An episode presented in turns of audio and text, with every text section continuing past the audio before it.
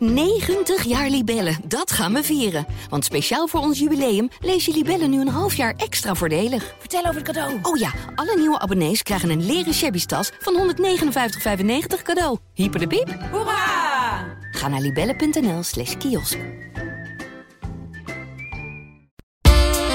Psychologie. Spiritualiteit. Wat doet het met succesvol ondernemen? Maar ook met tegenslagen. In Geloof in je zaak durven ondernemers zich daarom over uit te spreken. Met groeiexpert en ondernemer Gerard de Velde als presentator. Welkom bij weer een nieuwe aflevering van Geloof in je zaak. In deze aflevering luister je naar Johanan Baks, die samen met zijn broer Nathanael het bedrijf Baks Music oprichtte. Je hoort iets meer over de achtergronden van Johanan. Die leert wat Bax Music zo succesvol maakt. En hoe het ze dus lukte om naar 130 miljoen omzet te groeien. Met een hele nette netto winst. En ze zijn nog lang niet klaar. Ook dat hoor je in deze aflevering. Want het bedrijf gaat nog volle bak groeien de komende jaren. Nou, Johanan zit vol zelfvertrouwen. Heeft geloof in zijn zaak. Ik wens je heel veel luisterplezier met deze nieuwe aflevering. Geloof in je zaak Presentatie Gerard Tevelde. Johanan Baks, van harte welkom bij de podcast. Dankjewel voor de uitnodiging. Hartstikke leuk. Hoe, hoe gaat het met je? Ja, eigenlijk hartstikke goed. weet dat uh, we kijken terug op een wat, wat, wat moeilijker jaar natuurlijk. Maar ik denk dat voor alle ondernemers was. Hè. Dat is, uh, ondanks dat de omzet goed gaat, hè, ben je heel veel operationeel bezig. We zijn nu een jaartje verder en het begint allemaal een beetje gewoon te worden. Hè. Ondanks dat het een hele ongewone tijd is. Maar gaat wel goed, ja. En privé ook. Dus uh, nee, gaat allemaal wel lekker. Mooi. Nou, we gaan, gaan zo ook nog wat meer horen over jouw uh, privé-situatie. Maar uh, voor de uh, luisteraars even, waar, waar zijn we op dit moment? Nou, je bent op het hoofdkantoor van Bax Music. Wij zijn een, een online en offline muziekwinkel. Weet dat iedereen kent de muziekwinkel wel van vroeger. In iedere stad had je er wel een waar je een pianootje en een gitaartje kan kopen. Wij zijn ooit online begonnen en daarna pas offline gegaan. En uh, naast dit uh, kantoor zeggen we, hebben we dan ook nog een kantoor in Amsterdam. Dus uh, vandaar dat ik zeg hoofdkantoor. Ja. en trouwens ook nog in Frankrijk. Maar ja. Ja, en de distributie zit hier ook. Uh, en je hebt een winkel. Dus uh, verschillende functies gecombineerd. Ja, klopt. Weet dat. We hebben hier een stuk van onze distributie zitten. We hebben hier een, een kleine, ik denk 18.000 vierkante meter aan distributie. Dan hebben we in 20 kilometer verderop nog een groot warehouse waar we onze bulk binnenkrijgen. En dat is met name onze eigen merkproducten. En die doen we dan replenishen. En we hebben hier ook nog een grote winkel, 1600 vierkante meter. Beetje een rare locatie natuurlijk, Goes. Maar ja, dat komt omdat we hier ooit geboren en getogen zijn en hier gezetteld zijn. En onze andere winkels die zitten, die zitten wat, uh, wat, uh, weet dat, wat, wat, wat meer prominente plaatsen, zeg maar. Dus ja. Rotterdam, Amsterdam. Ja. Oké, okay. laten we eens hebben over geboren en getogen. Want ja, hoe kunnen we de kleine Johanan omschrijven? Hoe zou je moeder dat aan mij uitleggen? Oeh, wat een vraag, joh. Ehm, altijd erg ondernemend. Uh, vanaf, vanaf dag één, zeg maar, uh, altijd erop uit. Hè? Dus dat begon echt van jongs af aan dat ik altijd uh, al wegliep en dingen wilde ontdekken. Maar ook later, weet je al, school ging me heel makkelijk af. Dat had ook een keerzijde.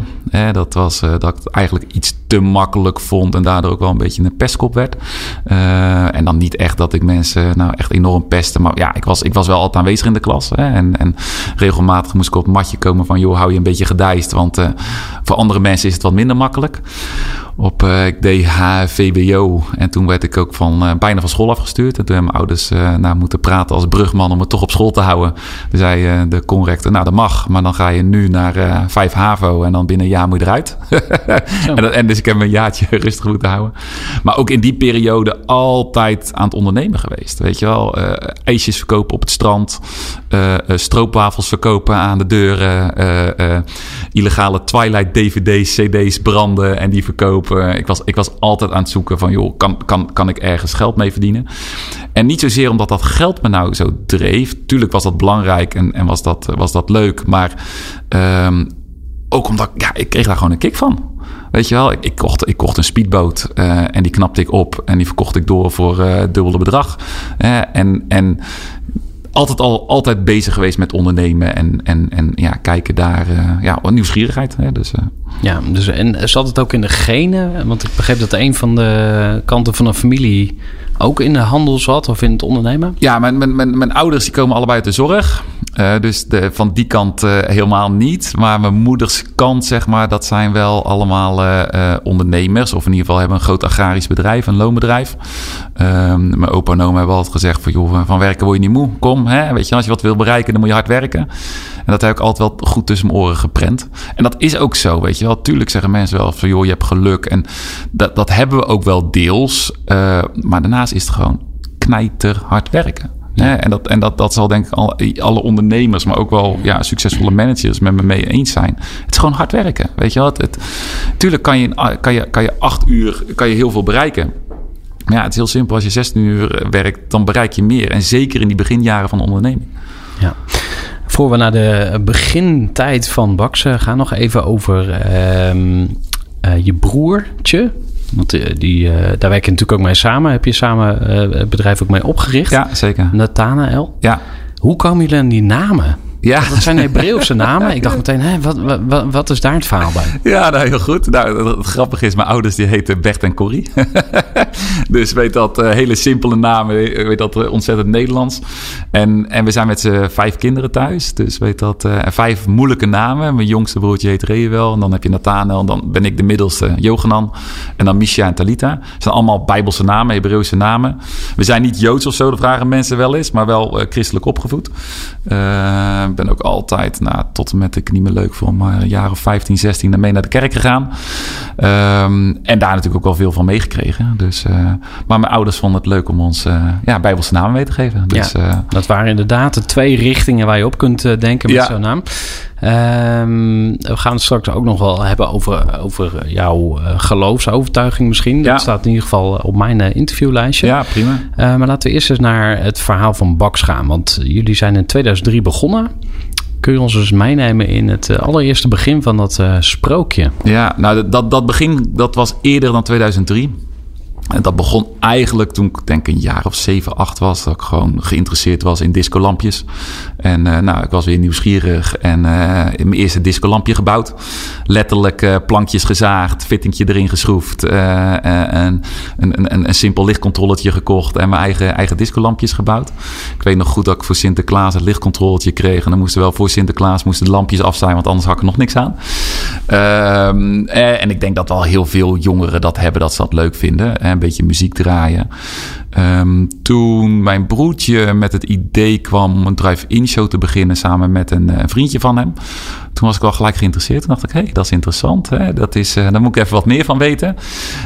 En toen heb ik me daar redelijk snel tegenaan bemoeid. En, en zijn we dat eigenlijk met z'n drieën gaan doen drive-in showtje spelen. Nou, in Mocht dat van je ouders dan? Sorry? Mocht dat wel van je ouders? Ja, ja, ja die, die, die waren... Kijk, ik ben, ik ben, ik ben uh, christelijk opgevoed, maar wel redelijk vrij. Hè? Dus uh, niet, niet heel streng gelovig of wat dan ook. Uh, zeker niet. Um, dus eigenlijk daar het virus verder ontwikkeld, om het zo maar te zeggen. Virus misschien een beetje verkeerd woord nu vandaag de dag. Maar in ieder geval de, de, de, de, de hobby verder ontwikkeld. Ja, en toen werd ik ook wel gegrepen door het, door het echte ondernemen. En, en heb ik ook veelvuldig aan mijn ouders gevraagd: van joh, uh, kunnen we niet naar de Kamer van Koophandel? Want ja, wij willen gewoon er een echt bedrijfje van maken. Nou, heel vaak afgehouden, helaas. Zeker nu, helaas voor hun. Uh, maar de, de, uh, wij kregen natuurlijk allerlei verzoeken van bedrijven. Van joh, kan je, kan je op ons bij de evenementen spelen? Kan je draaien? Maar dan had wel een factuurtje nodig. En die konden we niet maken. Ja, ik kon wel een factuurtje maken, maar dat was niet, uh, niet zoals het hoorde, zeg maar. Nou, uiteindelijk op de 18e, hè, dus in 2003, uh, ik was 18, mijn broertje was 14 op dat moment, uh, heeft Bax Light and Sound, zoals het destijds heette, het levenslicht gezien. Toen nog echt helemaal gericht op een stukje verhuur, een stukje drive-in shows. En nou, we, we, we verhuurden met name onszelf, samen met een stukje apparatuur. En een jaar daarna zijn we eigenlijk echt met de webshop begonnen. Ja, en is er een moment geweest waarop je dan dacht van... hé, hey, hier kan ik meer mee gaan doen. Dit kan een imperium worden? Nee, en, en nog sterker. Um, uh, in 2003 was ik aan het studeren.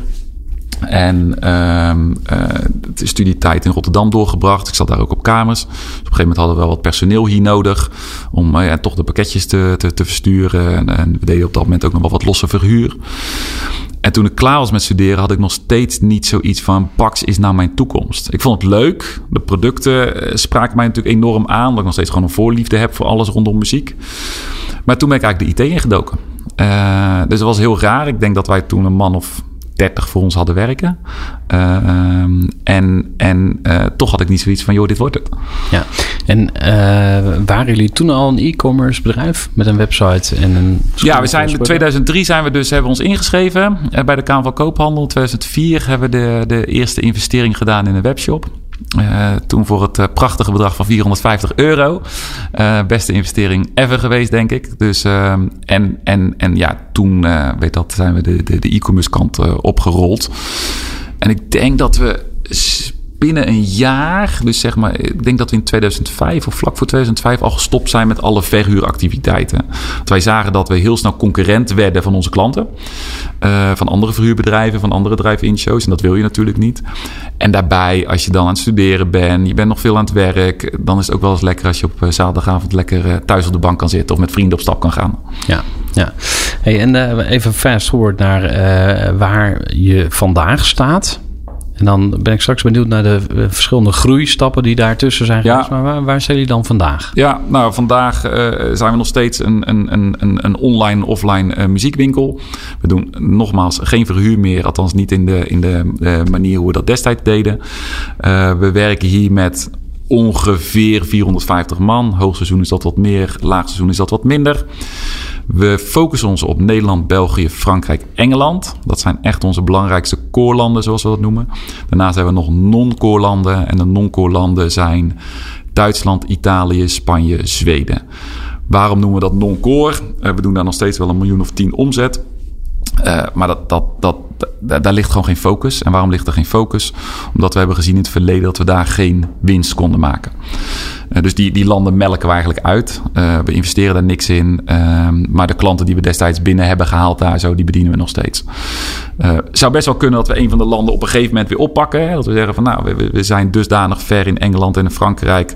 Het wordt tijd voor een extra land. Maar op dit moment is de focus echt op, op de vier eerdere landen. Hè? En dan zijn we in Nederland, België zijn we marktleider. Bij far marktleider zelfs. En willen we dat uiteraard in Frankrijk en Engeland ook worden. Ja, en uh, een belangrijk onderdeel van jullie strategie is geweest om je altijd binnen een bepaalde niche te, te bevinden. En je zegt, we zijn marktleider. Welk stuk van de markt domineer je precies? Wij zijn ooit begonnen op het gebied van, van, van luidsprekers, verlichting, DJ-producten, studioproducten. Wij zeggen wel eens hier intern alles met een stekker. Op een gegeven moment in 2008, 2009 zijn er allerlei muziekinstrumenten bijgekomen. Dus dan moet je echt denken aan gitaren, piano's, uh, digitale drums, normale drums, uh, wat trompetten en dat soort dingen. Uh, dus eigenlijk gewoon ja, wat je in een muziekwinkel zou verwachten. En um, in het verleden deden wij ook nog wel een beetje rand producten. En wat bedoel ik met randproducten? Een hoofdtelefoon van Sony bijvoorbeeld. Of een hoofdtelefoon van Beats. Of uh, een iPad. Of een MacBook. Of een iMac. Uh, dat is natuurlijk eigenlijk een hele andere business. Hè? Dat, dat, dat, dat, dat verwacht je veel sneller bij de Mediamarkt of bij de Coolblues of de Bol.coms. En we zagen ook dat we daar helemaal niet zo goed in waren. We konden daar geen marge mee maken. We waren altijd te laat. Uh, uh, was er al een nieuw iPad-model, dan hadden wij er nog een paar honderd in ons magazijn liggen. Moesten we die afprijzen. Dus je zag gewoon dat dat, dat dat niet goed was voor onze, voor onze business. En daar hebben we ook gewoon in een aantal een afscheid van genomen. Gezegd van joh even plat gezegd, terug naar, naar ons core assortiment.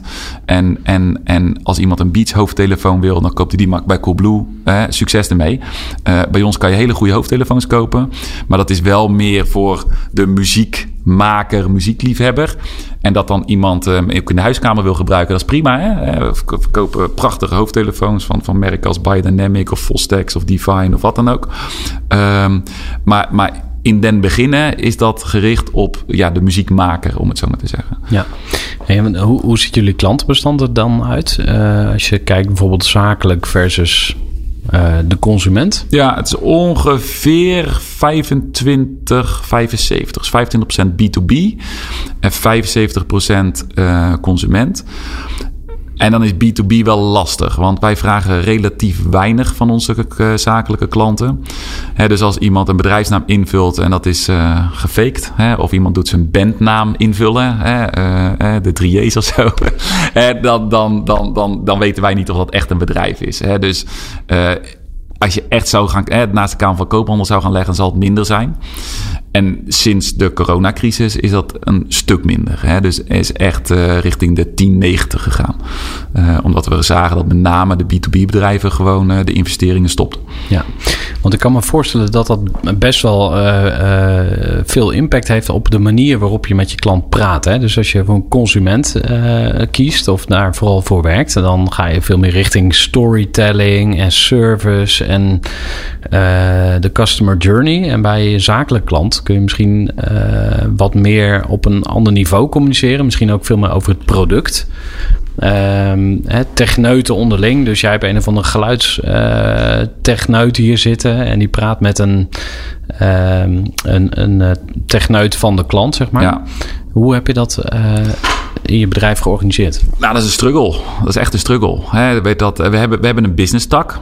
Uh, en, en omdat je ziet dat die businessklanten graag, en, en, zeker als ze een bepaald volume hebben, een bepaalde omzet hebben, uh, dat ze graag een soort van accountmanager willen hebben, een vast aanspreekpunt. Uh, dus, dus dat hebben we. Maar als je bijvoorbeeld kijkt naar marketing, is dat natuurlijk heel erg lastig. Hè, moet wel zeggen, de meeste van onze marketing is echt wel consumentgericht.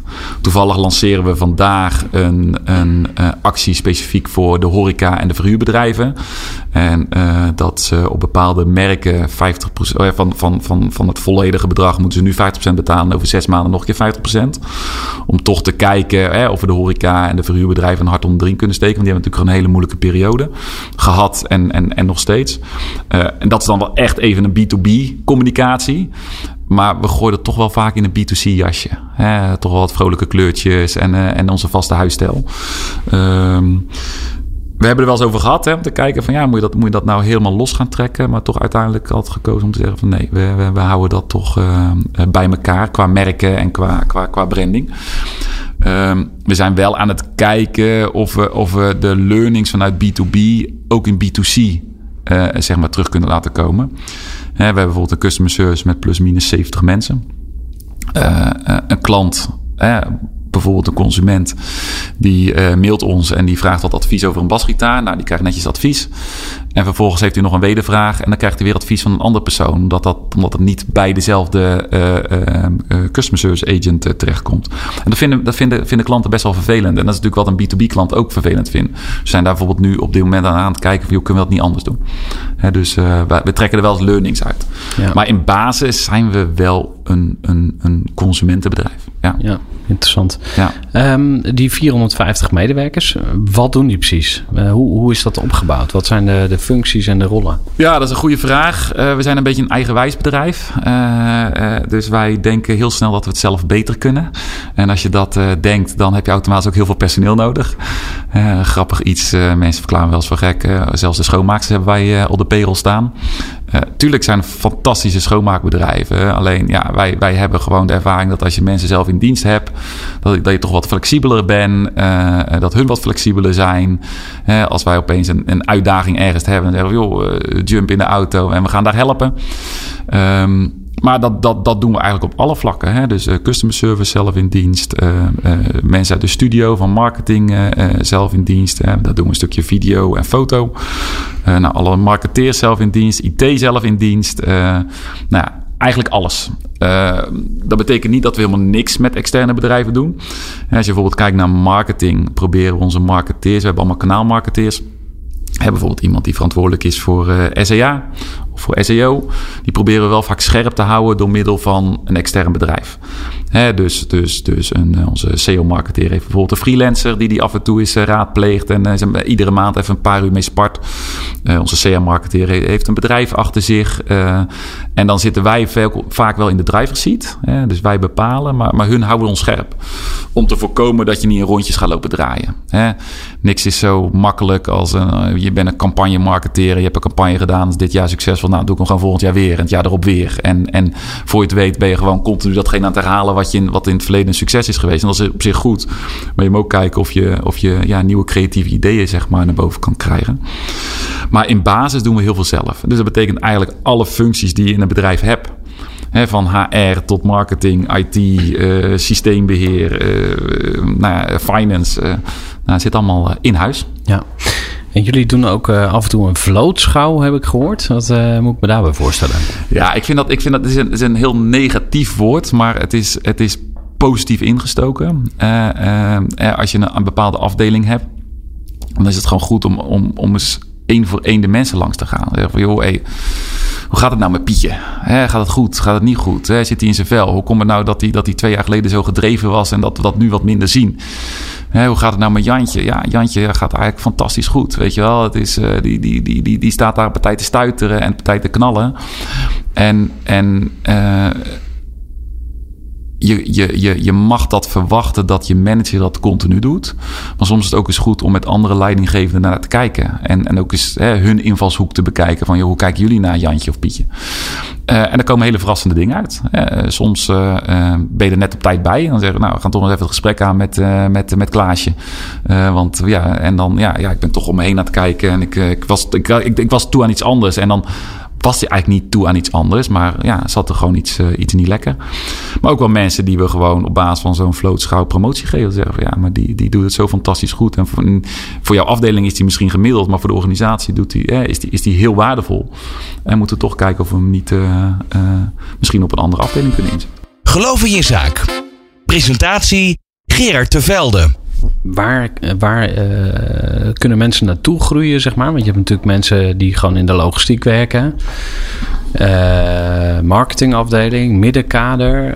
Uh, alles is mogelijk. Jij bent de eindbaas. Maar ja, waar, waar al, al, al, wat mij betreft is alles mogelijk. Okay. Hè, dus, dus, dus ik heb. Uh, een, een, jongen die bij ons op de customer service binnen is gekomen en uiteindelijk uh, door is gegroeid naar, die zit nu in het, in het CSMT zoals wij dat noemen, hè, dus het management team van de customer service. We hebben een jongen die is hier binnengekomen als voorraadbeheerder.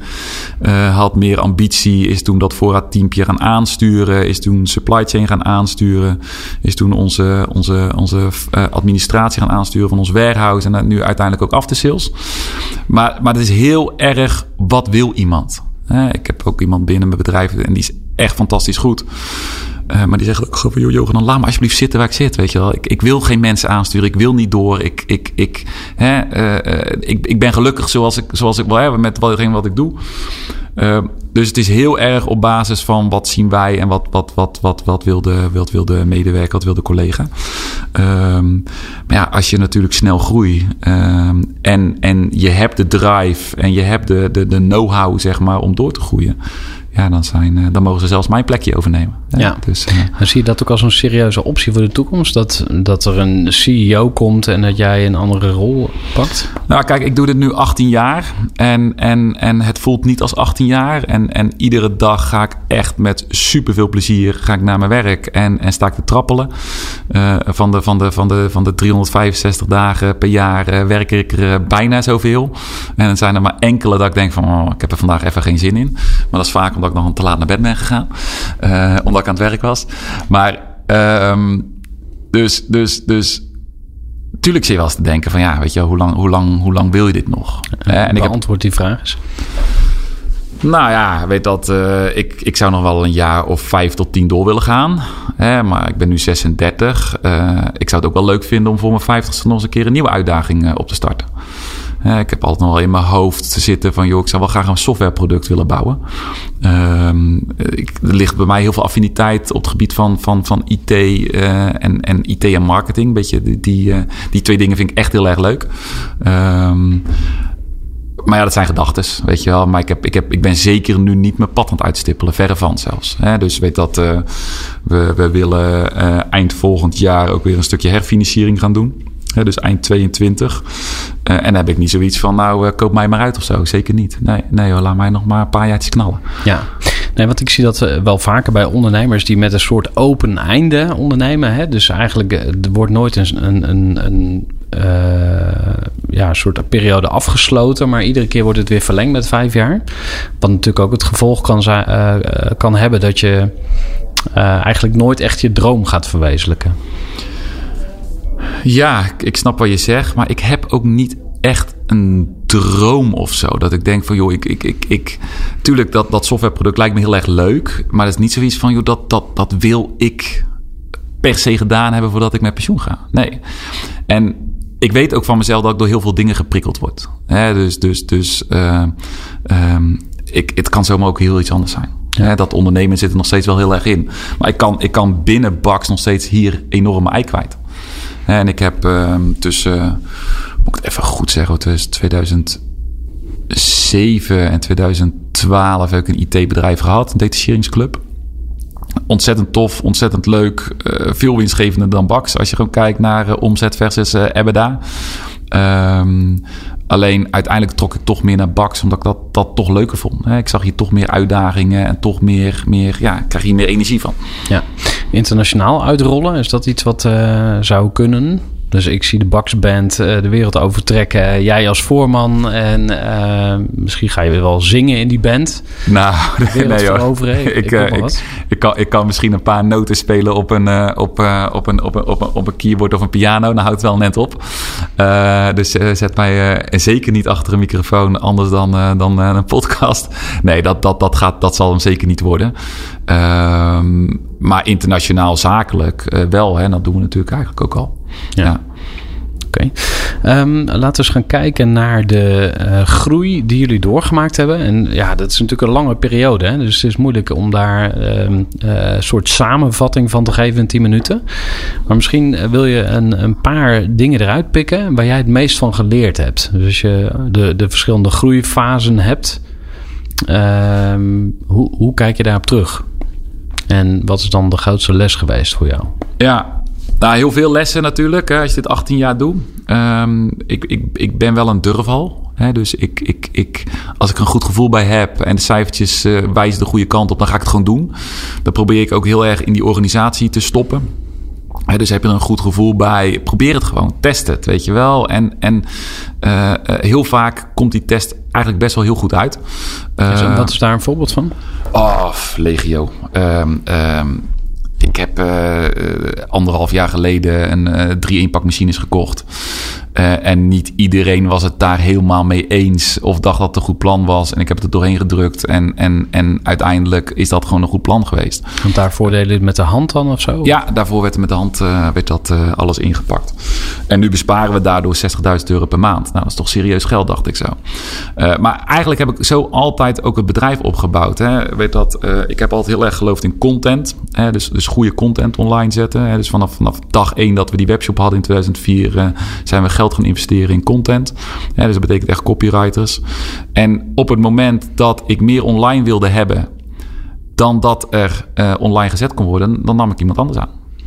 En als ik vond dat social media wel een, een goed pad was, dan nam ik een social media marketeer aan. En uh, als ik vond dat er te weinig focus was op, nou, noem het eens, e-mail marketing, dan nam ik een e-mail marketeer aan. Hè, dus eigenlijk zo altijd niet eerst gekeken naar de PNL, kon het, maar altijd gewoon gedaan. En dan achteraf bijsturen. Um, en hoe groter je wordt, hoe moeilijker dat wel wordt natuurlijk. Hè? Dan moet je, hè, de, belangen worden groter. En, en, en dan moet je toch wel vaker even, even de spreadsheet erbij pakken voordat je zomaar iets doet. Um, maar ik geloof wel dat dat een heel belangrijk onderdeel is van ons succes. Um, door het gewoon te doen. Nou, daarnaast hebben we eh, in 2013 een stukje financiering opgehaald. In de, vorm, in de vorm van uh, cumprefs, cumulatief preferente aandelen. Nou, dat is ook weer een leerproces natuurlijk. Hè? Want wij waren gewoon gewend om uh, hier uh, eh, 100 meter verderop naar de rouwbank te lopen. En zeggen, joh, we hebben weer geld nodig. Kijk eens naar de cijfers. Oh ja, nou, dan gaan we de rekening courant verhogen. En op een gegeven moment zeiden ze van, ja de ratio's, hè, weet je wel, je hebt toch wat, wat meer eigen vermogen nodig. Hè? Nou, dat, dat was ook wel een proces. Nou, weet dat, toen deden we in 2013 ongeveer 30 miljoen. En met die club en met het geld van die club, moet ik, uh, moet ik zeggen, hebben we, hebben toch wel weer een behoorlijke groeispurt kunnen maken met uh, naar 130 miljoen. Um, en, en ook op dat, eh, ook, ook in die reis kom je natuurlijk weer allerlei uh, zaken tegen waar je weer heel veel van leert. Ja, Nou, laten we daar lekker nog even op doorgaan dan. Ja, Eh, ja, wat, ja. Wat, wat is er dan gebeurd tussen die 30 en die 130? Ja, nou, dat is een goede en belangrijke. En eh, eigenlijk twee dingen waar ik heel veel van geleerd heb. Eh, en dat zijn wat minder leuke dingen. Maar het, vaak zijn de minder leuke dingen hetgene waar je het meest van leert. In 2016 hebben we een, een, een, wilde staking in ons warehouse gehad. Nou, dat is nooit leuk Waar natuurlijk. ging het over? Ja, weet dat, we, hadden, we hadden een nieuwe sorteermachine gekocht. En ik vond eigenlijk dat dat ding maar 24-7 moest draaien. Dus ik heb gezegd van jongens, we moeten s'nachts gaan werken.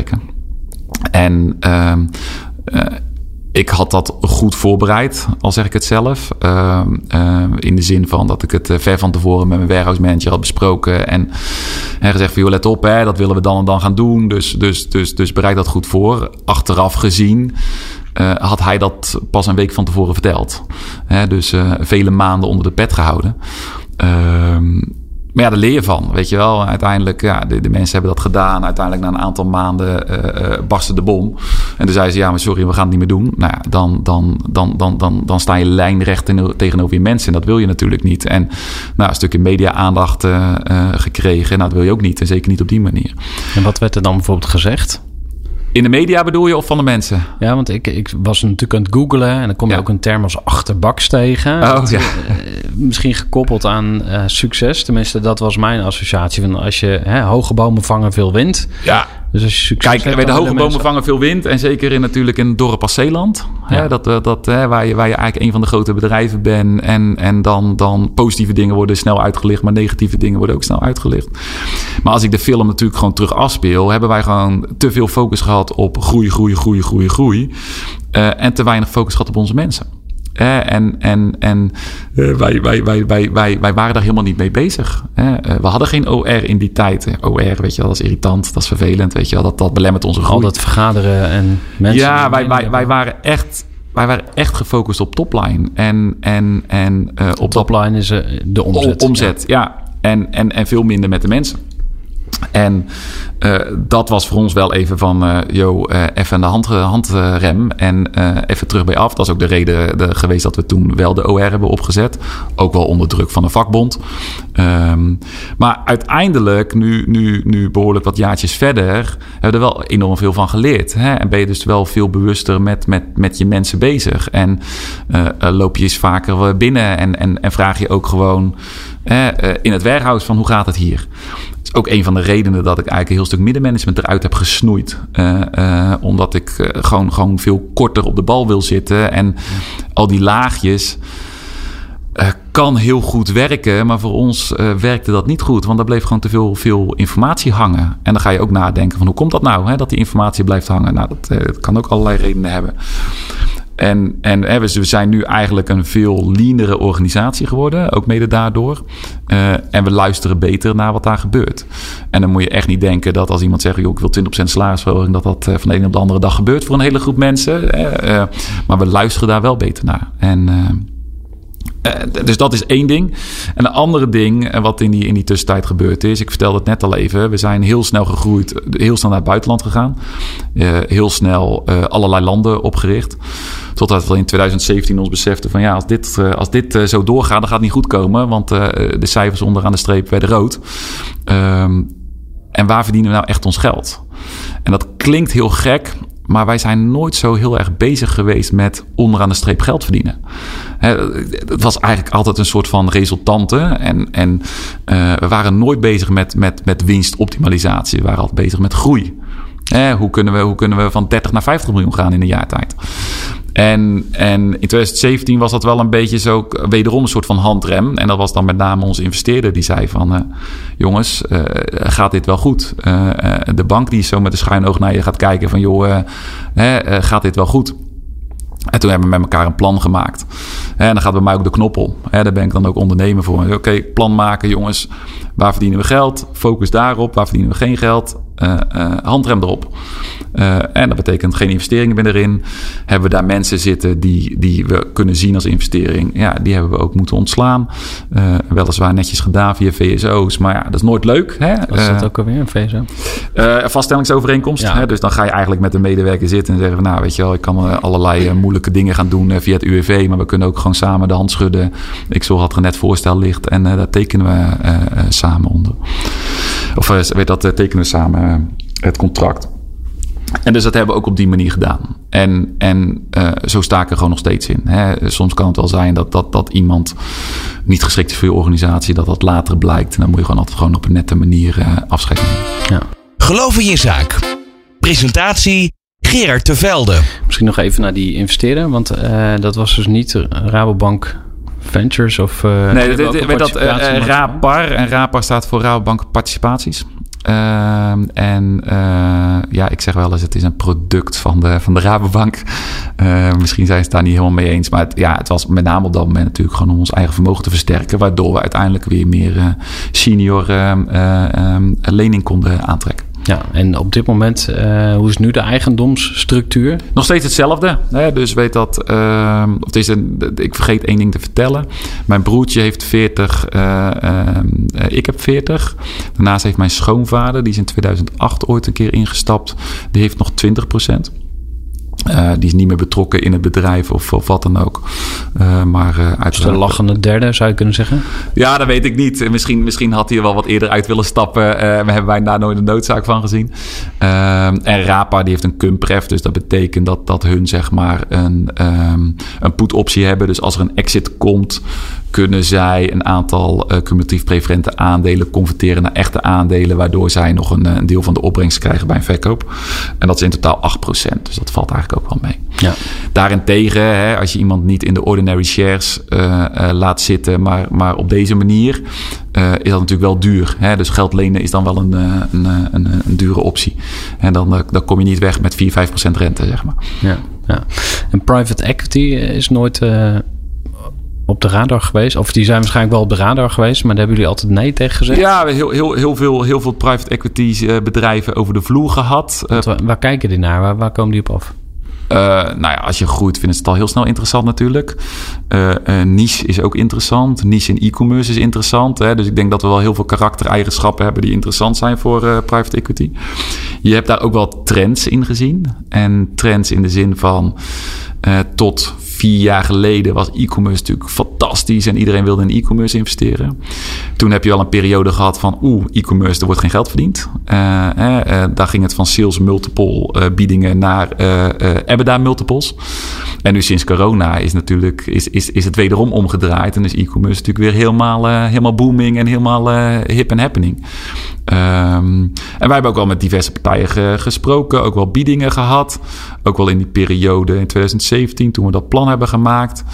Um, maar uiteindelijk ook wel erachter gekomen van ja, als je dit wil doen, dan moeten we toch wat meer focus gaan hebben op die EBITDA-verbetering. Uh, want dan wordt het pas echt interessant. Ja, misschien nog heel even. Wat is EBITDA ook alweer? Uh, ja, dat is, een, dat is een heel mooi woord voor uh, hè, wat, wat, wat verdien je nou buitenom ehm, de, de interesten, de afschrijvingen die je doet. Ehm, earnings before interest, depreciation en nog eentje. Taxes, juist. En amortizations. amortizations, ja. ja. In ieder geval, en, en ja, daar wordt natuurlijk een investeringsland heel erg op gestuurd. Dus, ja, dus winst voor belastingen. Ja, dat is het eigenlijk. Ja, ja. ja voor belasting en afschrijving. En, ja. ja. Um, misschien even inzoomen op de winstgevendheid. Want um, jullie hebben producten in het assortiment die misschien niet zo vaak verkopen. En je hebt misschien je hardlopers en je eigen merken. Waar je volgens mij ook best wel trots op bent dat jullie een aantal eigen ja, merken hebben. Ja, je hebt er eentje op je hoofd, zie ik nu. Dus, ook uh. nog, ja, ja, precies. Hoe heet het ook alweer? Divine. Ja, Divine. precies. Ja. Um, kun je ons eens uitleggen um, waar je als ondernemer volgens jou op moet letten als het om winstgevendheid gaat. En misschien kan dat aan de hand van jullie eigen uh, winstgevendheidsmodel. Ja, nee, hartstikke goed. Ja, wat ik, wat ik net ook al zei, hè, wij, wij zijn nooit daar zo heel erg mee bezig geweest tot, tot een vier jaar geleden. Um, maar sindsdien wel, uh, enorm. Um, een van onze belangrijke uh, drivers voor een goede marge zijn onze eigen merken, waar je net ook al zei. We hebben een zestal eigen merken. Die uh, maken wij deels zelf. En wat bedoel ik daarmee? We designen ze zelf. En deels is OEM. Hè, we plakken plat gezegd ons naampje erop en we doen wat kleine modificaties. 95% komt uit China. Uh, en, en zijn ondertussen wel echt merken geworden. Dus, dus waar dus mensen ons bellen en zeggen van... joh, uh, ik hoorde dat uh, dat een goed merk is. Uh, zou je me een advies kunnen geven? Dus dat is wel heel tof om te zien. Daar zijn we natuurlijk in Nederland wel veel succesvoller mee... dan bijvoorbeeld in een land waar we relatief kort te zitten... is, is, is Engeland. Ehm, als je kijkt naar onze winstgevendheid, uitgedrukt in EBITDA, draaiden wij bijvoorbeeld in 2018, 2019 ongeveer 2,8, 2,9 miljoen EBITDA. Uh, vorig jaar was het helaas iets minder. Uh, en dat is best wel gek, want onze omzet was 15% hoger. Uh, maar dat komt met name omdat de marge iets verlaagd werd door onder een stukje druk van de marktpartijen. maar ook onze kosten wel wat verhoogd werden. en dat kan zijn kosten uit de supply chain die een stuk hoger werden. Maar ook gewoon domweg, omdat wij hier geen risico's wilden lopen. Dus wij hebben, ik geloof al drie, vier maanden, hebben beveiliging in ons warehouse gehad. Om gewoon zeker te weten, te zorgen dat iedereen zich aan de regels hield. anderhalve meter afstand hield uh, zijn handen op tijd schoonmaakt. En denk je zelf, dat is kinderachtig. Ja, dat kan. Uh, maar het is, het is wel echt nodig geweest. Want je wil gewoon dat, dat, dat je logistieke hart moet gewoon doordraaien. Dus uh, ja. ja. En die, hoe, hoe maak je dan keuzes over je winstgevendheid? Jij zei al van ja, ik ben niet zo'n spreadsheet ridder die dan uh, alles, uh, of tenminste dat zei je niet, maar je, je maakt ook keuzes op basis van gevoel. Maar waar, waar zit dan de. de ja, waar nou, vroeger was, het, vroeger was het echt 100% gevoel. Um, en, en nu is het 50-50. Dus, um, en, en ik ben geen spreadsheet ridder uh, zoals mijn, uh, mijn, uh, mijn, mijn CFO dat is. Um, maar ik vind wel belangrijk dat we, dat we dingen goed doorrekenen. Hè? En, en uh, niet gaan doorredeneren. Hè? Want dat is natuurlijk altijd het gevaar. Hè? Je bent je bent enthousiast over iets en je hebt een mooie machine gezien. En, en ja, dan ga je doorredeneren dat, dat het wel uitkomt. Nou, dat is natuurlijk heel gevaarlijk. Um, en zeker in de omvang van wat we nu zijn met, met een verantwoordelijkheid voor 450 gezinnen. Hè? Die je maandelijks uh, uh, een, een, salaris moet uitbetalen. Ja, dan, dan, dan kan dat ook niet meer, zeg maar. Maar, dus, maar ik denk ik denk wel 50-50. Dus het, het kan best wel zijn dat de business case kantje boord is. En dat we toch zeggen van ja, het voelt echt goed. En, en we hebben ook wel wat dingen die we niet direct kunnen becijferen. Let's do it. Ja, en die winstgevendheid waar je net over had, is dat iets waar je tevreden over bent? Waarvan je zegt van nou, oké, uh, dat is de business. Want ik zat bijvoorbeeld bij AFAS en die hebben dan een EBITDA van 80 miljoen op 220 uh, omzet, geloof ik. Dus dat mind-blowing margins. Ja, ja blijkbaar in e-commerce eh, werkt dat niet zo. Dan ja. heb je dat hele apparaat nodig. Ja. En al die artikelen moet je de lucht in houden. En ja. dus best veel werk, zou je kunnen zeggen. Ja, uh, ja zeker. Ja, ik, ik, ik, ik, heb je, ik heb je podcast gehoord inderdaad. En uh, uh, volgens mij draaien ze 8 miljoen netto winst. Dat is natuurlijk dat, dat, dat is, dat is fantastisch. 80. Nou, volgens mij was het 8. Maar maakt maak verder, ja, maak, maak, maak, maak, maak verder niet uit. Um, ben je tevreden? Uh, uh, nee. Hè? Want, want als je onderaan de streep meer verdient, kan je meer investeren. En kan je dus weer, uh, weer, weer, weer harder groeien en leukere dingen doen met elkaar. Ehm, anderzijds, weet dat, het is, het is natuurlijk wel een branche van de toekomst. Ik geloof heel erg dat we zometeen een aantal generieke spelers hebben, à la Amazon, à la Bol. Um, misschien dat, dat, dat, dat dat, dat nog een andere erbij komt. Maar ik, ik denk het niet. En Bax bedoel je? Uh, nee, en maar daarnaast geloof ik gewoon in de, in de, in de, in de niche-spelers. Ik geloof heel erg in, in Bax uh, als niche-speler op muziek. Ik geloof heel erg in Camera Express als niche-speler op fotografie. als jij als hobby hebt fotografie, dan is het niks zo lekker om in een, in een fotografiewinkel rond te lopen. Uh, ik geloof in, in, een, in een speler als Bever, hè, die gewoon, waar je gewoon uh, alles op outdoor gebied kan zien. Je, als jij nou een outdoor fan bent, dan, dan wil je daar toch heen. Uh, je ziet ook dat onze klanten, eh, weet dat, eh, een gitaar als een Gibson gitaar of Fender gitaar wordt echt niet op Amazon gekocht. Ja, misschien die gitaar van 90 euro, maar als het, als maar een beetje duurder wordt, wordt echt niet gekocht. En wij zien dat ook. Wij doen een deel van onze business op marketplaces. Gelukkig heel weinig. Volgens mij is het nog geen procent. Uh, je ziet ook gewoon dat dat daar niet verkocht wordt. Uh, dus ik geloof heel erg in die niche. En dan is de vraag, hè, moet die winstgevendheid nu komen of mag die ook in de toekomst komen? Hmm. En wat verwacht je dan? Ik, ik verwacht dat die winstgevendheid in de toekomst komt. He, dus, dus, en, en, zeker, en zeker door... dan naartoe? Uh, Sorry? Wat, wat zijn je inschattingen daarover als je daar getallen aan mag hangen? Oh, dat vind ik, dat vind ik, dat vind ik echt heel lastig. Maar, maar uiteindelijk geloof ik er ook in dat, dat de gekte rondom gratis verzenden, altijd maar uh, lage besteldrempels, uh, gratis retourneren, dat dat, dat, dat gaat verdwijnen.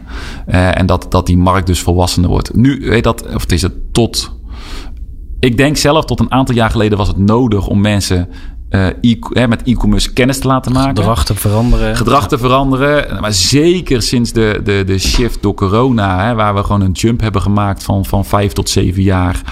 Denk ik bij mezelf, jongens, kom op man. Dat is, dat is, dat is, tuurlijk is het, is het super prettig voor de consument dat het, dat het allemaal gratis is. Maar dat kan niet gratis zijn. Hè, het, het, kan niet gratis zijn dat DHL hier aan de deur komt. Uh, weliswaar in een groen karretje uh, naar, naar een distributiecentrum rijdt. Vervolgens twee keer aan de deurbel moet op de drukken voordat hij afgeleverd Dat kan niet gratis zijn. Hè, dus dus dat, dat moet ergens vandaan komen. En, en ik hoop. Serieus dat, dat, dat die e-commerce daar een shift in maakt. En gelukkig zie je het in andere landen wel. Hè. Als je bijvoorbeeld in Engeland uh, vragen wij gewoon tot 199 pond, vragen wij gewoon 9,95 cent kosten. En het wordt gewoon betaald. Echt geen probleem. Ja. En, en, en, en ik vind eigenlijk dat dat ook hier meer gemeen moet worden. Nou, reken maar uit. Hè, als je op elk pakketje waar je verstuurt, als, als bol.com ieder pakketje uh, uh, 2 eurotjes mag vragen, is het een super winstgevend bedrijf. Uh, dat super winstgevende bedrijf uh, uh, gaat daardoor heel veel geld hebben om uiteindelijk weer investeringen te doen, om, om meer concurrerend te zijn ten opzichte van bijvoorbeeld de grote Amazon. Ja, en wat levert dat dan weer op, hè? Tenminste, terwijl je het zo aan het vertellen bent, denk ik van ja, de, je hebt die winner takes all.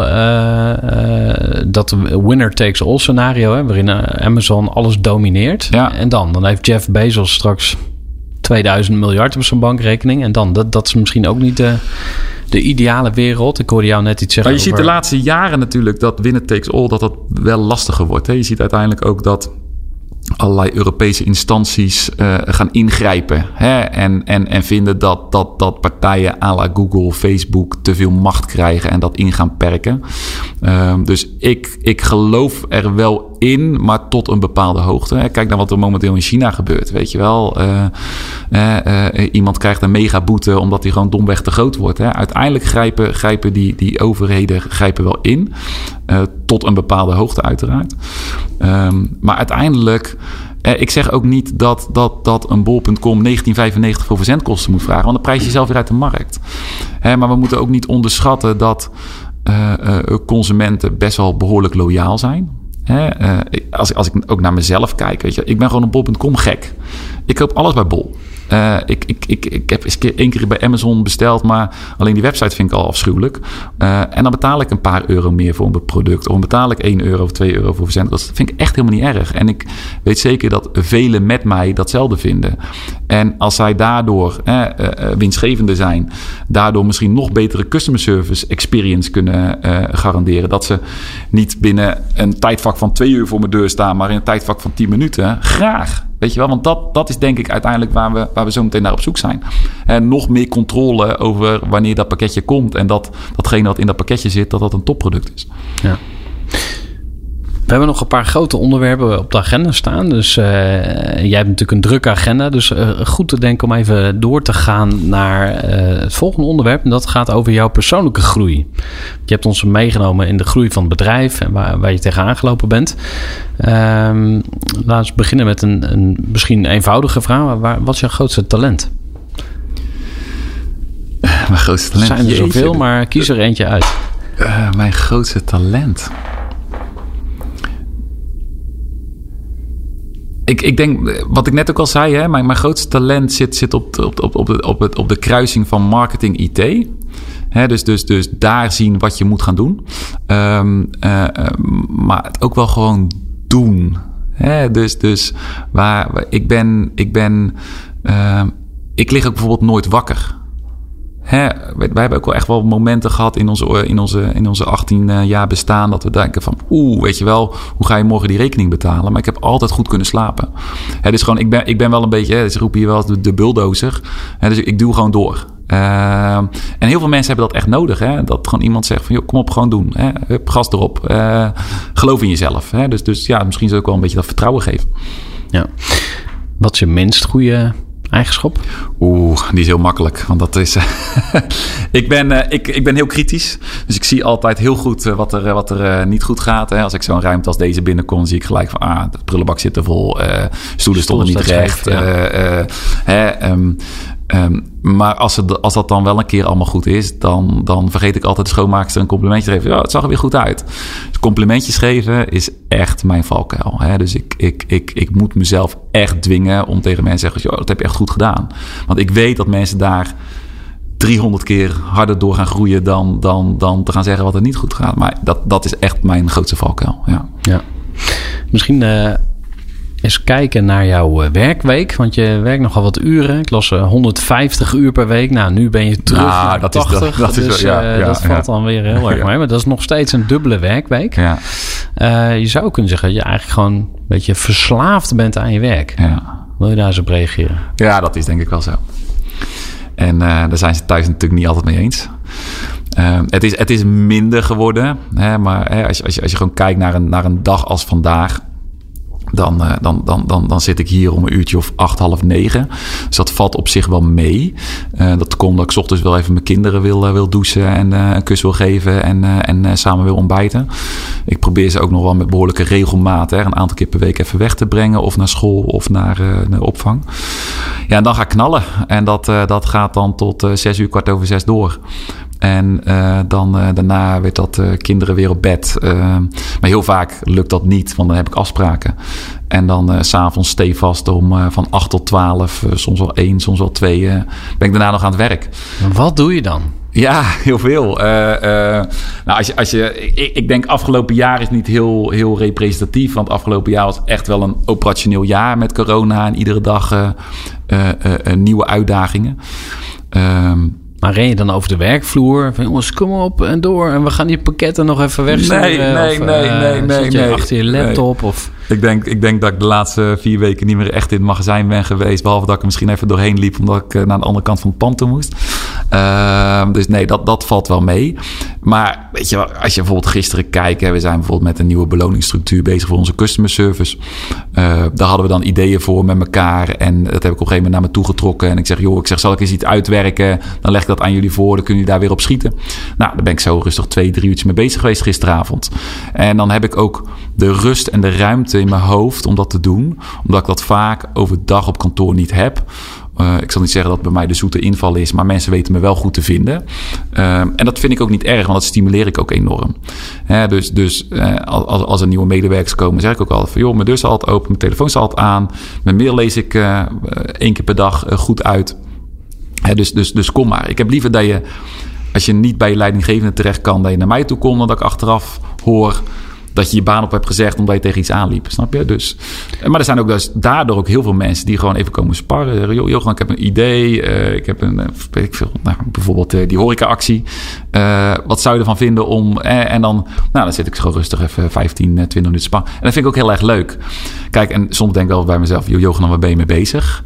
Ja, en, en dan? Want zo word je geen honden natuurlijk. Hè? Dat, dat is dan makkelijke kritiek. Maar hoe... hoe nou, ik weet niet... Ik, ik, ik, bepaald, ik, ik, ik, weet niet of ik zo geen 100 word. Weet je wel, het is, ik, ik, ik, daarna sport ik drie keer per week, minimaal. Uh, uh, maar ook behoorlijk regelmatig vier, vijf keer per week.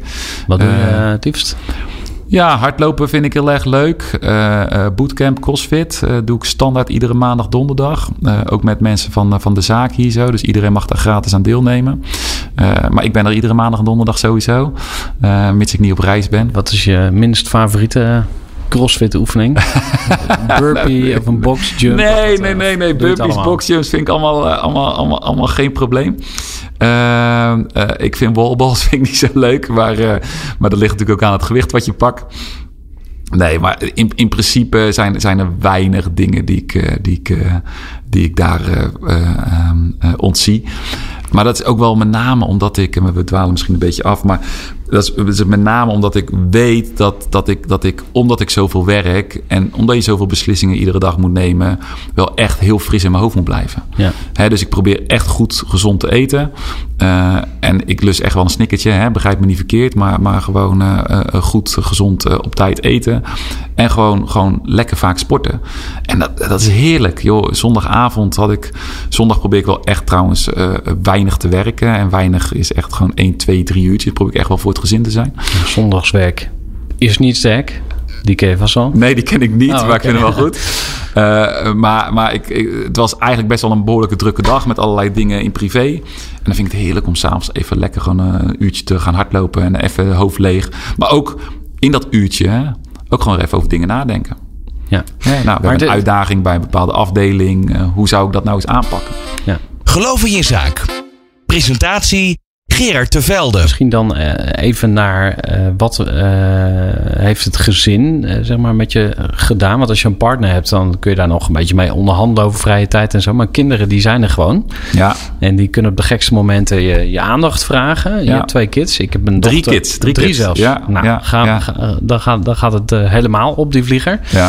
Ehm, maar ja, mijn vader bijvoorbeeld, die was dominee. Die was altijd aan het werk. En op een gegeven moment kreeg hij een brief van mijn zus. Mijn zus had hem een brief gestuurd van... Pa, meneer de hoogleraar. En eh, hij had allemaal van die titels. Maar je bent er nooit. ja. Doet jou dat pijn?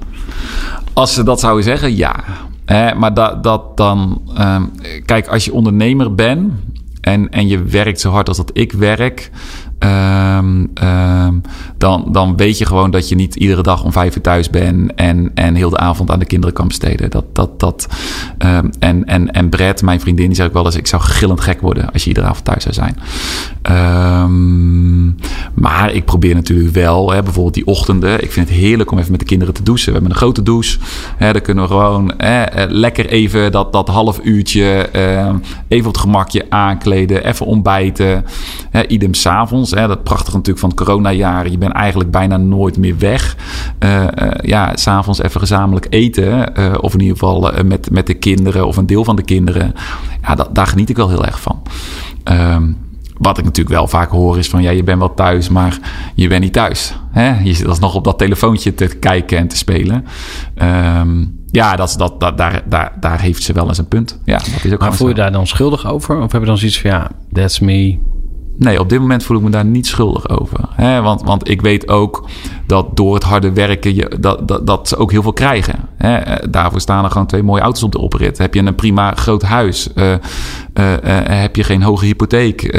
Of, of, of, of nagenoeg geen hypotheek? Hè? Dus, dus, dus kan je twee keer per jaar op vakantie en kan je het dan breed laten hangen? Hè? Dus, dus en en ik koop wel eens wat vastgoed. En dan en laat ik wel eens wat foto's zien van wat ik op het oog heb. En dan zeg ik van ja, zo kan je er ook bij wonen. Hè? Weet je wel? En dat, dat, dat is niet omdat die mensen zo graag erbij willen wonen. Maar omdat er gewoon ja, niet zo heel veel binnenkomt. Dus ik vind dat dat wel twee kanten heeft. Hè? En ik probeer dat mijn kinderen ook wel. Hè? De, de oudste is nu vijf en dan begint dat een beetje te komen. Nou, een beetje bij te brengen. Van ja, weet je wel. eh, het een kan niet zonder het ander. Althans niet bij ons. Ja. Misschien eh, een mooi bruggetje ook naar eh, wat jij gelooft. Hè? Want je hebt verteld dat je eh, ja, in, in een kerkelijke omgeving bent opgegroeid. Ja, ik ben ook altijd benieuwd naar ja, het geestelijk leven zeg maar, van, van ondernemers. Hè? Dus sommige Ja. ondernemers die zijn heel christelijk. Die leven echt met God of met een, hoe, hoe ze het ook noemen. ja. Of die zijn heel spiritueel bezig. Hoe is dat voor jou? Wat, wat geloof jij eigenlijk? Nou, ik, ben, ik ben christelijk opgevoed, hè, dus ik heb alles meegekregen. Ook op een gereformeerde school gezeten. Die vonden wij wel, wel streng. Maar mijn ouders dachten dat het toch wel goed was hè, om dat allemaal, allemaal mee te krijgen. Liever iets te streng en dan thuis iets losser dan, eh, dan andersom. Wat voor gereformeerde school was het? Was het nog weer een van de... Ik, ik ben opgegroeid in de gereformeerd vrijgemaakte Ja. kerk bijvoorbeeld. En daar had je nog weer allerlei varianten op. Ja, ik, heel eerlijk weet ik niet precies. Maar het was wel hè, iedere vrijdag psalmpje leren, opzingen. Eh, eh, er werd, werd, werd, werd, werd continu gebeden. Eh, wat- het, was, het was wel, nou, vond ik behoorlijk streng. En, en eh, wij zijn zelf christelijk opgevoed in een, in een, in een, in een, een Rafael-gemeenschap. Weet dat, in een Rafael-kerk. Dat was heel vrij, weet je wel. Daar stond eh, de band eh, voor zondag stond de liederen te zingen. En, en dat, was, dat, was, dat was een beetje meer Amerikaanse taferelen, zeg maar. Voor de mensen die er geen verstand van hebben. Ehm, en, dan, en dan is voor ons gereformeerd wel een beetje zo van... Oeh, weet je wel... Te serieus. te en, serieus. Eh, eh, hoedjes op, eh, rokjes aan. En, en, en, en dat was voor ons wel een beetje. Nou, maar daar heb ik wel veel, veel van meegekregen. En ehm, ik vind wel dat mijn ouders me wat te lang gepusht hebben om mee naar de kerk te gaan. Eh, en op een gegeven moment kwam ik op een leeftijd van 13, 14 jaar. En dan, en dan ging het me tegenstaan. Dus daarom ben ik op een gegeven moment ook mee gestopt. Uh, en vonden ze dat op een gegeven moment ook prima. Hè? Want volgens mij, ik denk dat ik 14 was zo, zoiets van... oké, je bent oud en wijs genoeg om die keuze te maken. Uh, als ze dat denk ik minder hadden gedaan... dan was ik nieuwsgieriger gebleven. En ik ben nog steeds wel nieuwsgierig. En ik geloof wel dat er meer is dan alleen... ik, ik, ik, ik, ik, Kun je zo'n poging doen om te vertellen wat er meer is tussen hemel en aarde? Of wat? Nou ja, kijk, ik heb, ik heb ook wel dingen gezien dat ik denk van, nou, weet je, dat, dat kan geen toeval zijn. Hè? Um, en dat komt niet door die oerknal. Um, en, Wil je dat eens delen? Wat, wat heb je gezien bijvoorbeeld? Nou, weet dat, wij, wij hebben uh, ook wel diensten meegemaakt uh, dat, dat, dat mensen genezen werden. En dat je echt denkt van, wauw, weet je wel, dit, dit, dit, dit. Ik weet niet waar het vandaan komt, maar het gebeurt wel voor mijn ogen. Iemand die dus gewoon letterlijk uh, amper kon lopen, in één keer weer kon lopen. Dat ik denk van, ja, maar dit, dit, hier was ik echt zelf bij en ik was niet dronken. Of ik, hè, dus, dus je weet dat er meer is. Maar in, in, in, in mijn ogen uh, hoef je uh, uh, niet iedere zondag naar de kerk te gaan om ook te geloven. Snap je? Dus ehm, ik heb daar mijn eigen invulling aan gegeven. En, en ieder voor onze kinderen, hè, weet dat, ze zitten op een, op een christelijke basisschool. Ehm, die krijgen dat mee. Ehm, en dat vinden we ook wel voldoende. Hè? Laat ze maar zelf hun beeld daarvan scheppen uh, en, en, en beeld over vormen. Um, en we gaan dat niet pushen, zeker niet. Nee. Ja. Hey, en hoe komen die kernwaarden of die dingen die je in je jeugd hebt meegekregen, hoe komen die weer terug bij Bax in de bedrijfscultuur? Zit daar ergens een connectie?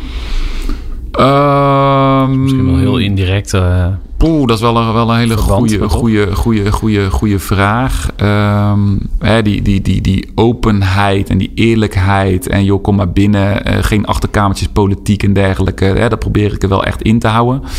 Al voorkom je het niet altijd. Hè? Zeker als je snel groeit en er gebeurt iets ergens op de werkvloer en je krijgt het niet helemaal mee. Hebben we dat verwijt wel eens gekregen? Um, dus, dus, dus dat, dat, dat, dat open, eerlijk, transparant, uh, zeker. Hè, dat heb ik wel vanuit, vanuit huis meegekregen. Maar dat betekent niet dat we alles zeggen. Hè. Dat betekent niet dat de salarissen op het internet staan van iedereen. Snap je? Hè, dus we, de, we, we zoeken daar wel ons eigen weg in. Ja, wat heel veel uh, mensen die ik hierover spreek uh, met elkaar gemeen hebben, is dat ze het hebben over liefde. Dus uh, of je nou God noemt, of het universum, of nou ja, er zijn allerlei manieren natuurlijk om, om, de, om, om het te labelen. Ja. maar wat heel veel, waar heel veel mensen het over eens zijn, is, is, liefdevol met elkaar omgaan. En dat klinkt dan weer heel soft en zweverig. Maar ja. hoe kun je dat in je bedrijf stoppen? Dus hoe kan je met oprechte intentie en, en liefdevol je klant helpen en er voor je medewerker zijn. En ja. uh, het lijkt op gespannen voeten staan met business. Want business is juist hard geld verdienen, spreadsheets. En ja. Nou ja, als, als ik heel eerlijk ben, hè, zit, ik wel, zit ik wel meer aan de businesskant dan, dan, dan, dan aan de liefdekant. He, we, zijn, we zijn best wel harde onderhandelaars en, en, en, en zitten er best wel strak in. Um, dus, dus dat zie ik wat minder op die manier, als ik heel eerlijk ben. He, dus, um, en dat uh, heeft je ook het succes gebracht? Of? Nou, ik denk een deel wel. Uh, kijk, we, we, zijn, we zijn heel goed voor onze klanten, uh, uh, voor onze leveranciers en misschien voor onze, minder onze medewerkers wat minder lief. Ehm, ja, dat zal natuurlijk voor ieder anders zijn. Ehm, maar, maar ja, de focus is wel altijd heel erg geweest op de klant. Ja. ja. Um, we gaan richting afronding. Ik zag jou ook al een paar keer naar de deur kijken. Misschien mede. Nou, ik zag, al, uh, ik zag al mensen staan te trappelen. Nieuwe ideeën willen pitchen bij je. Um, maar ik wil eens even nog met jou in de, in de, in de tijdmachine stappen. Uh, twee dingen. Eén, uh, over de toekomstige strategie van Bax. Want je hebt ook iets gezegd over platformeconomie of ja. marketplaces. Ja. En je gaat volgens mij ook franchisen. Of in ieder geval. Ja, doen we al. Ja. dat ja. is een ontwikkeling. Ja. Heb jij een soort doel in de toekomst van ja, we moeten naar 500 miljoen en dat gaan we zo doen? Of wat, wat uh, ja, nou, groei, groei uh, van groei krijg ik, krijg ik enorme ambities. Hè? Dus, dus dat, dat, dat drijft mij enorm. En dat hoeft niet altijd per se omzetgroei te zijn. Het kan ook zijn dat we een afdeling die gewoon niet lekker loopt... in een half jaar tijd echt helemaal kunnen laten groeien. Zeg maar dat mensen weer happy rondlopen en dat, dat processen weer strak staan. Dus, dus die uitdaging is voor mij echt wel extreem belangrijk. Als je kijkt naar een stukje toekomst, eh, willen we toch wel doorstoten naar 300 miljoen. Uh, een tijdje geleden vroeg iemand mij, ja, wanneer is dat dan? Nou, dat is toch wel binnen vijf jaar. Ehm Daarvoor moeten we wel volgend jaar geld op gaan halen. Of in ieder geval eind 22. Zeg ik dan ook wel uh, eerlijkheidshalve bij. Um, en daarnaast, we, we, geloven heel erg in de niche waar we in zitten. Hè, dus, dus, dus niche. ik, ik geloof heel erg dat een niche-speler uh, enorm veel bestaansrecht heeft naast de generieke spelers. Uh, maar ik geloof ook dat als je daar nog harder in wil groeien, dat je moet gaan samenwerken. En waarom zou ik niet gaan samenwerken met een een of andere specialist die uh, gespecialiseerd is in snaren? wij hebben 100 pak, pakjes snaren in, uh, in het assortiment. Maar hij heeft er 10.000. Waarom zouden we niet samenwerken? Hè? Waarom zouden we niet onze, onze, onze, onze marketplace, hè? Onze, onze, onze webshop openstellen... Om, zodat hij ook zijn pakje snaren bij ons kunnen verkopen? Dus dan doe je eigen bol ook doet? Ja, maar dan wel echt niche. Ja en, en gesloten. He, dus wij bepalen de partners, wij kijken of ze, of ze eh, fit voor de job zijn. En uh, op die manier zeg maar uh, kijken of je, je assortiment uh, verder uit kan breiden. Nou, dat is één. En, en daarom hoeven wij, kunnen wij niet overal, of hoeven wij niet overal specialist in zijn. En dat kunnen wij ook niet, hè, laten we eerlijk zijn. Um, en hetzelfde geldt natuurlijk voor franchise. Uh, ik, uh, we doen nu nog soft franchise. Dus dat betekent eigenlijk alle kosten zijn voor ons. Uh, kosten in de zin van de investeringen bedoel ik dan. Hè? Dus, dus inventaris, locatie, maar ook voorraad.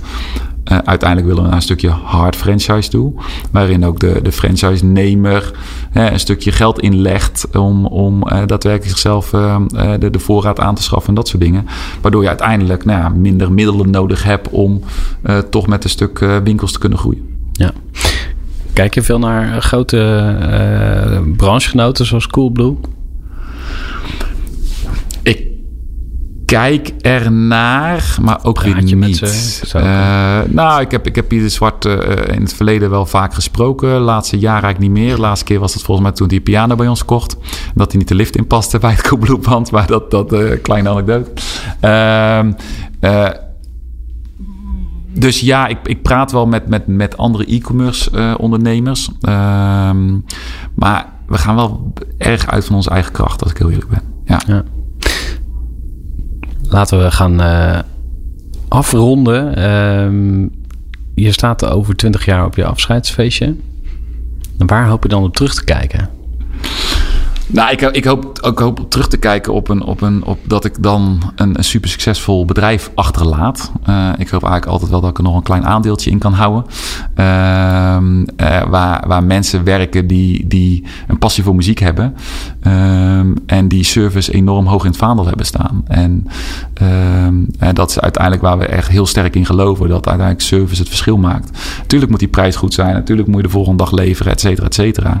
Maar, maar die service, en dat is dan uiteindelijk toch het personeel, de know-how en de kennis en hoe, hoe ons personeel onze klanten helpen, uh, staat dan echt wel op nummer 1. Ja, en wat ga jij doen?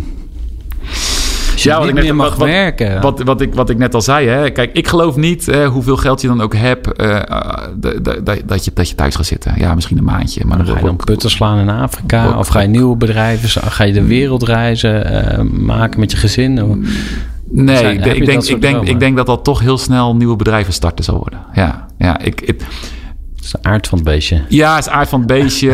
en, en we houden echt van vakantie. Maar wij houden met name van uh, op het strandbedje lekker uh, twee weken, drie weken niks doen. Dan moet ik zeggen eerder twee weken dan drie weken. Uh, en een boekje lezen en al die tijdschriften lezen die je de laatste half jaar geen tijd voor hebt gehad. Ehm, dan dat ik, dat ik een wereldreis ga maken. Dat, dat, dat, het trekt me wel, maar dan zou ik het denk ik nog liever alleen doen dan met heel het gezin uh, gevoelsmatig. Um, maar ja, voor, voor de rest, ja, gewoon blijven ondernemen. Kijken, kijken of je, of je van, van kleine dingen iets groters kan maken. En dan, en dan niet met de drive geld, maar met de drive gewoon leuk vinden om iets te laten groeien. Ja, de great game of business eigenlijk. ja, het spelletje. Ja, klopt. Maar wel die dingen doen die je, die je echt leuk vindt. Hè? Waar je echt echt enthousiast van word. Uh, ik, ik, ik, ik, ik sprak, nou, vlak voor ons gesprek, sprak ik een, uh, een collega en die zei: Joh, Johanan, ik heb een aanbieding gehad bij een bedrijf en dan ga ik dat en dat meer verdienen. En uh, alleen, ja, dan moet ik wel iets gaan doen wat helemaal niet onze business is. Dan zeg ik van ja, maar weet je wel, ja, waarom zou je dat dan doen? Want dan, dan verdien je wat meer, maar uh, dan ga je iets doen wat je eigenlijk helemaal niet leuk vindt. En ik zeg, joh, ik wil echt wel even naar je salaris kijken, maar, maar denk ook even over deze vraag na. Hè? Van, van, van, hè, de, de, werkweek van 40 uur wordt opeens extreem lang ja. als je iets gaat doen wat je eigenlijk helemaal niet leuk vindt. En dat je het alleen maar voor het geld doet. Want ik denk niet dat je dat lang volhouden namelijk. En dat, en dat geldt voor mij ook. Hè. Ik, moet, ik, ik, ik wil echt dingen doen die ik echt leuk vind. natuurlijk kan niet altijd alles leuk zijn. Hè. Dat zeg ik ook wel tegen, tegen onze collega's, tegen het personeel. Um, maar, maar, maar zeker 80% moet datgene zijn wat je leuk vindt. En waar je energie van krijgt. Ja. Allerlaatste vraag. Uh, want jij ziet natuurlijk ook uh, andere ondernemers aan het werk. Je kent waarschijnlijk uh, de nodige ondernemers. Hoewel ja. je natuurlijk wel heel erg op je eigen business ook gefocust bent. Maar wat is nou een groeitip of een advies wat jij andere ondernemers zou willen meegeven? En je mag zelf kiezen over welk onderdeel van ondernemen. Ja, ik heb het eigenlijk al een paar keer gezegd, hè, maar, maar weet dat. Ik, ik zie nog steeds best wel veel ondernemers twijfelen. En door het twijfelen duurt het heel erg lang voordat ze dan die keuze maken. En dan uh, achteraf zeggen ze, ja, had ik eigenlijk veel eerder moeten doen. Ja, maar het ligt wel bij jezelf. Hè? Dus, dus, dus durf wat sneller dingen te testen. En desnoods begin je klein, hè? Met, met, met, met, met, met een klein modelletje of een pokje of, of uh, hoe noemen ze dat tegenwoordig? MVP. Eh, begin klein, test het en gelijk doorpakken. Weet je wel, niet te lang nadenken. En doe geen domme dingen, maar, maar durf te doen. Durf te testen. Veel fast. Hè? Als je ziet dat het niet werkt, ook gelijk snel stoppen. Maar gewoon het doen dat zie ik toch wel heel vaak dat bij ondernemers fout gaat. Uh, dat, dat, ze, dat ze nog iets te afwachtend zijn.